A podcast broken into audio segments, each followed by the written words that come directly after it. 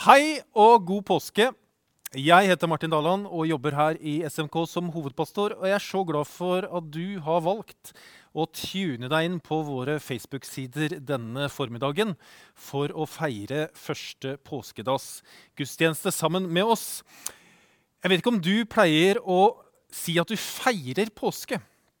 Eller om du bare pleier å tenke at det er deilig med en ukes fri og noen inneklemte dager, og så er det deilig med lam og det er deilig med godteri og sånt.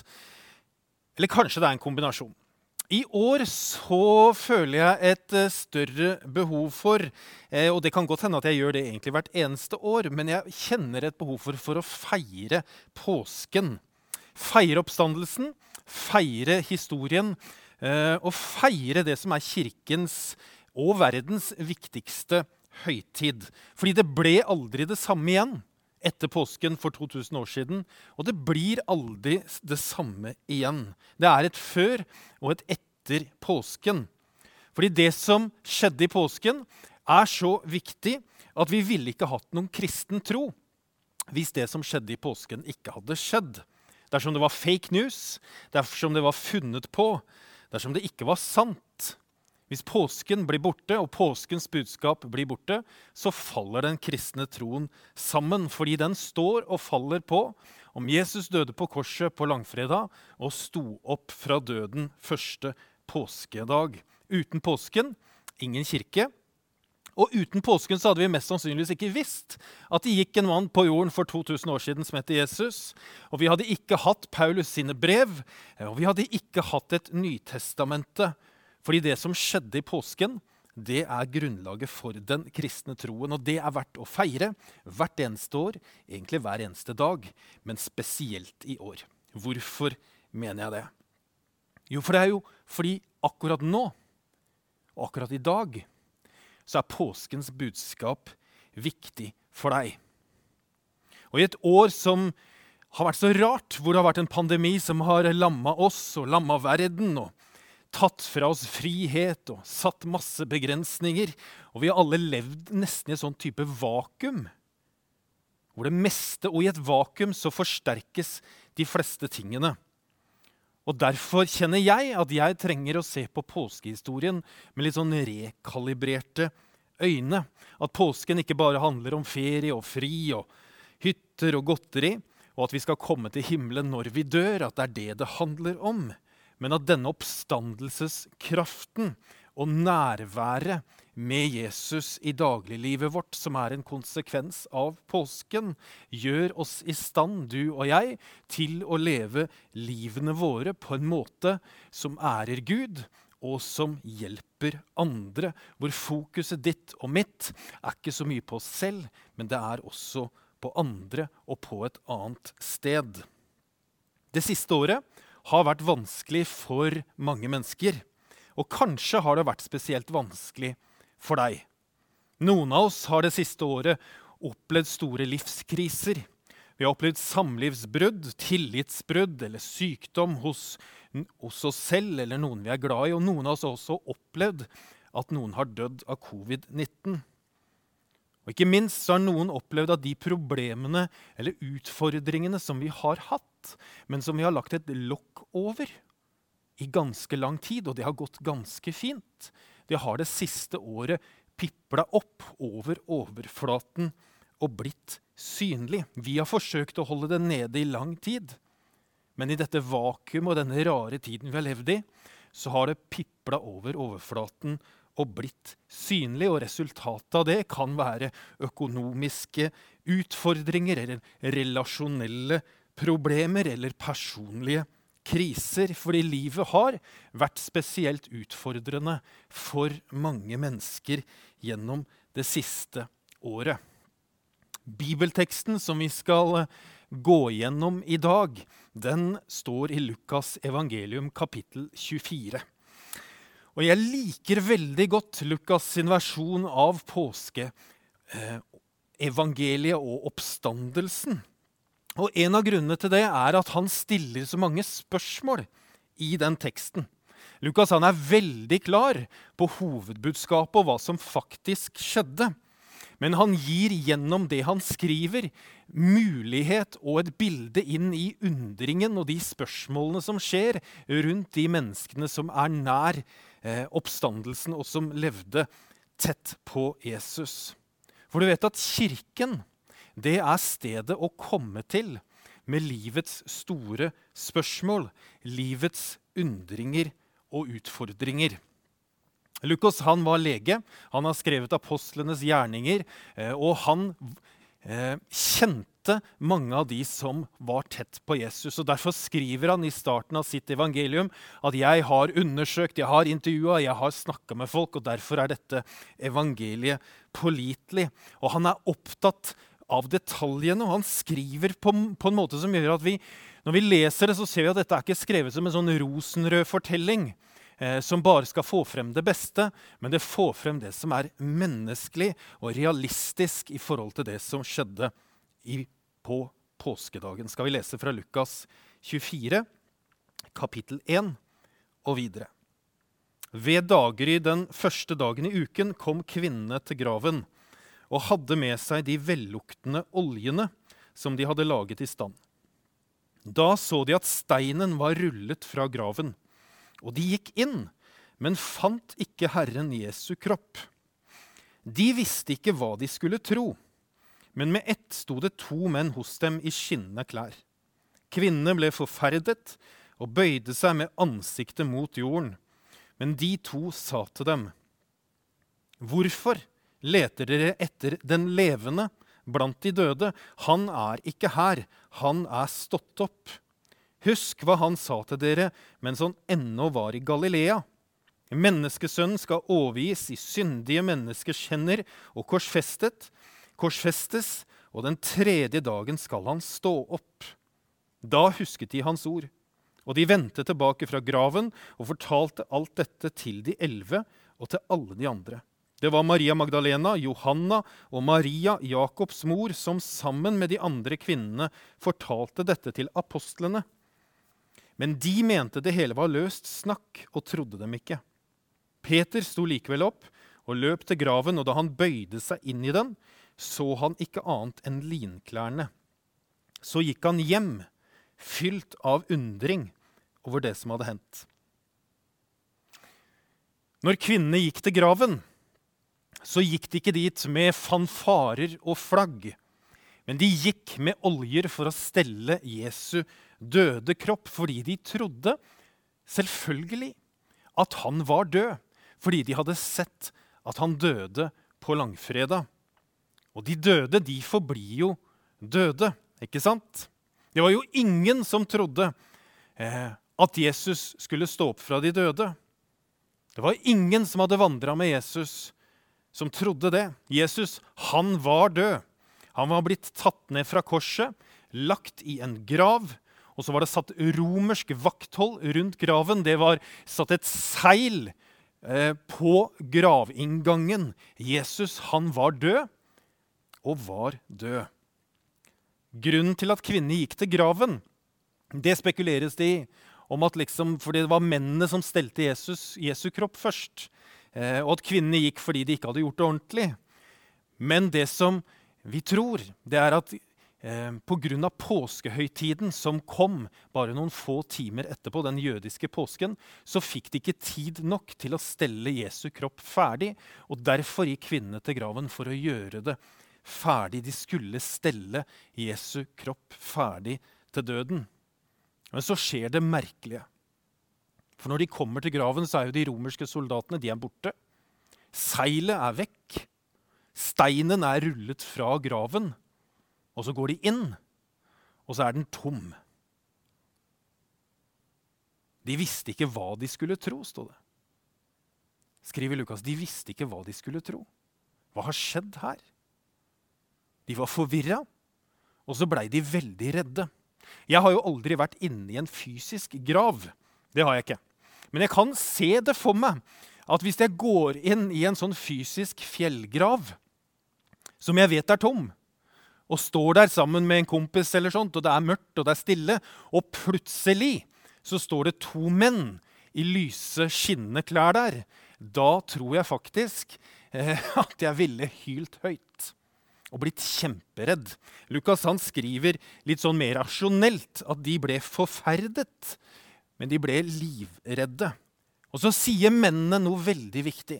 For de sier, 'Hvorfor leter dere etter den levende blant de døde?' Jesus er ikke lenger bare en mann. Han er blitt inkarnasjonen av det å være levende. Han er den levende. Og Det betyr også derfor at kristen tro, det å tro på Jesus, det er aldri en død tro, fordi den er levende i sin natur. Og fordi den er levende, så har den flytta inn i oss, og vi har også samtidig tatt steget inn i Han. Og derfor er vi også levende. Og derfor lurer jeg på hvorfor leter vi etter svar på livets store spørsmål blant det som er dødt. Blant det som vil forsvinne en, gang, blant det som Bibelen sier vil forgå. Hvorfor leter ikke vi etter svarene på livets store spørsmål blant den levende, blant de levende i hans kirke og hos Jesus? Og før vi går videre, så har jeg lyst til å si en ting til deg. At det kan hende at der du søker, eller der du leter, så sørg for at du leter på rett sted, slik at du ikke finner svar som fremstår som riktig, men som er feil, rett og slett fordi du har lett på feil sted og funnet noe du tror er rett, men som alltid vil være feil fordi du har lett på feil sted. Let blant den levende. Let der du kan finne liv. Og kirken er stedet for å finne svar på livets store spørsmål.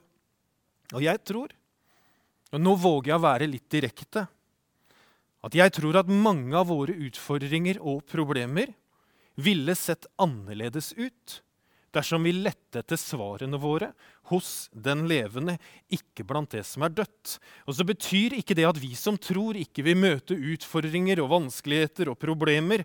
Og det har det siste halvåret vist oss i rikt monn. Men det er hvor du søker svar på utfordringene dine, der du søker svar på det som er vanskelig, som er det viktige.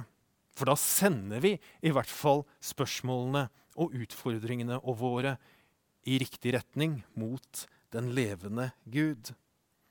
Engelen minte kvinnene om eh, hva Jesus hadde sagt når han var i Galilea. De sa menneskesønnen skal overgis i syndige menneskers hender og korsfestes, og den tredje dagen skal han stå opp. Og så står det, så skriver Lukas, da husket de hans ord. Og det er jo så enkle vi er. Vi trenger å bli minnet om det Jesus har gjort. Vi trenger, trenger, å bli minnet om det han har sagt. Som du har gått i kirken eller fulgt oss på Facebook og online i disse tider, om du har gått her lenge eller ei, så trenger du og jeg å bli minnet om hva Jesus gjorde, og hva han sa. Fordi det å lytte til Guds ord, det å undre seg over det vi hører, og det å stille gode spørsmål, det hjelper oss i livet. Og det hjelper oss til å ta gode og kloke valg for oss selv, men også for de som er rundt oss. Så still spørsmålene våre og utfordringene våre til det som er levende. Kvinnene de løper deretter hjem, eller tilbake til disiplene. Disiplene de trodde jo selvsagt ikke på dem. For sånn var det på den tiden, at man trodde ikke på hva kvinner sa. Det var derfor de ikke var vitner i rettsvesenet, fordi de var ikke pålitelige. Og det er derfor Lukas skriver at de, de mumla, disse disiplene, at de mente at det hele var løst snakk. Og de trodde ikke på kvinnene. Men så er det én i gruppen som tror på hva de sier. Det er faktisk to, men Lukas skriver bare at det er Peter som løper. Men, men Johannes han skriver at både han og Peter løper til graven. Og så opplever Peter det samme. Han opplever at graven er tom. Og hva gjør han da? Jo, det står han går hjem, fylt av undring over det som hadde skjedd. kunne det virkelig skje? Hadde det skjedd? Hva har skjedd? Og denne mannen, Peter, som er impulsiv, ekstrovert og alltid på, han innkaller nå ikke til de store stadionmøtene eller store møtene sånn som han gjør på første pinsedag. Nei, nå går han hjem. For nå har det skjedd noe som han ikke forstår, og han er fylt av undring. Fordi han hadde jo på langfredag svikta Jesus når det gjaldt som mest. Han som alltid var frampå. Han som sa om alle de andre går, Jesus, så skal i hvert fall jeg bli stående. Om alle andre forsvinner, så kan du stole på meg. Og så svikter han. Og så tenker han etterpå jeg er jo bedre enn dette. Dette er jo ikke sånn som jeg er. Hvorfor gjorde jeg dette? Hvorfor sa jeg det? Hvorfor svikta jeg Jesus? At jeg kunne gjøre sånt. Du vet når du har gjort noe eller sagt noe som du ikke kan trekke tilbake eller få ugjort, hvordan kan du da kunne leve med deg selv og det du har sagt og det du har gjort? Det går et par dager, og så får Peter et personlig møte med Jesus på stranda. Og dette møtet har vi ikke noe referat fra. Det står ikke noe særlig om det, men det står noe om hva som skjer etterpå. Og så tenker jeg at Du og jeg vi trenger i livene våre et sånt personlig møte med Jesus som vi ikke skriver referat fra, og som vi ikke sier noe om. Men det er deg og meg, eller meg og Jesus sammen. Det å bekjenne synd, det å bekjenne, bekjenne vanskelige ting, svik og ondskap, det er forferdelig vondt. Men det er den eneste løsningen for å bli fri. Og Peter gjør jo dette. Han får dette personlige møtet med Jesus. Og Så blir Peter reist opp til å bli en av de store lederne i den nye menigheten i Jerusalem. Og vi vet jo i dag at han har en av verdens mest berømte kirker oppkalt etter seg, Peterskirken i Roma. Og Det er jo ikke sikkert at du får en kirke oppkalt etter deg, men hvem vet egentlig? Men ved å bøye knær, ved å bekjenne synd og legge fra oss egoisme og begjære å legge det framfor Jesus, så gir vi han en mulighet til å komme inn og berøre oss. Han skriver oss inn i det Bibelen snakker om som en, den eh, levende boken. Hans bok. En ny identitet, et nytt liv med nye muligheter. Hvorfor skal vi feire påske? i dag. Fordi påsken handler om tilgivelse og gjenopprettelse. Det var profetert i lang tid før dette skjedde, at Gud ville gjøre dette. Han som engelen eh, Gabriel sa til Maria, Jesu mor, at dette skulle være Jesus skulle være den høyestes høye. Han skulle være den kongenes konge. Han ble reist opp nettopp som det en Messias, en frelser, som tar all verdens synd, både din og min og alle andres, og reiser oss opp. Og vi kan bare ta imot tilgivelsen og fellesskapet med Jesus. Og så handler påsken også om perspektiv. Om å ikke bli drevet hit og dit. Fordi det er Jesus som er sentrum. Det er han som er den levende. Det er han som er seierherren. Og det er derfor vi sier på første påskedag han er oppstanden. Ja, han er sannelig oppstanden. Han har vunnet denne kampen for deg og meg. Og selv om vi kjenner kampen inni oss i dag, så har han likevel vunnet den en gang for alle. Han er den levende. Og du og jeg kan ta steget inn i dette fellesskapet. Det er derfor vi sier 'lovet være Gud, vår Herre Jesu Kristi Far', Han som i sin rike miskunn har født oss på ny til et levende håp ved Jesu Kristi oppstandelse fra de døde. Så uansett hva du står i, så er det håp. Uansett hva slags situasjon du er i i dag på første påskedag, så er det et levende håp som står foran deg. Det er en historie som er skrevet, og som blir skrevet, og som du kan gå inn i. Og som du kan gjøre til din. Spørsmålet er om du vil det. Og det står Jesus og inviterer deg til å ta steget inn i hans historie. Himmelske Far, du som er i himmelen, du som kom ned og flyttet inn og tok bolig. Du som seiret over døden, over mørke, ondskap, svik og alt som er av det onde. Du som tok alt på deg. Vi priser deg for det, sånn at vi skulle gå fri. Fordi det gjør at vi kan ha fellesskap med deg og leve oppreiste liv, undrende liv, meningsfylte liv, trosfylte liv. Og nå ber vi, Herre, kom til dem som strever og bærer tungt, og gi dem hvile. Send folk til deres vei, og hjelp oss alle til å være et redskap for fred og for bønnesvar. Takk for at du, på akkurat samme måte som du tente bålet for Peter på stranden, så tente du også et bål for oss, sånn at vi kan komme til deg og få et personlig møte med deg. Berør oss, Herre. Kom til oss og gi oss det vi trenger. Og så takker jeg deg for at du har gitt oss evangeliene. At de har blitt bevart, sånn at vi kan lese dem og undre oss over dem og stille spørsmål ved dem og oppdage at det er så rikt og så mye å ta av som gjør at du blir større, og at troen vår blir styrka. Velsign hver enkelt som er hjemme. I Jesu navn. Amen.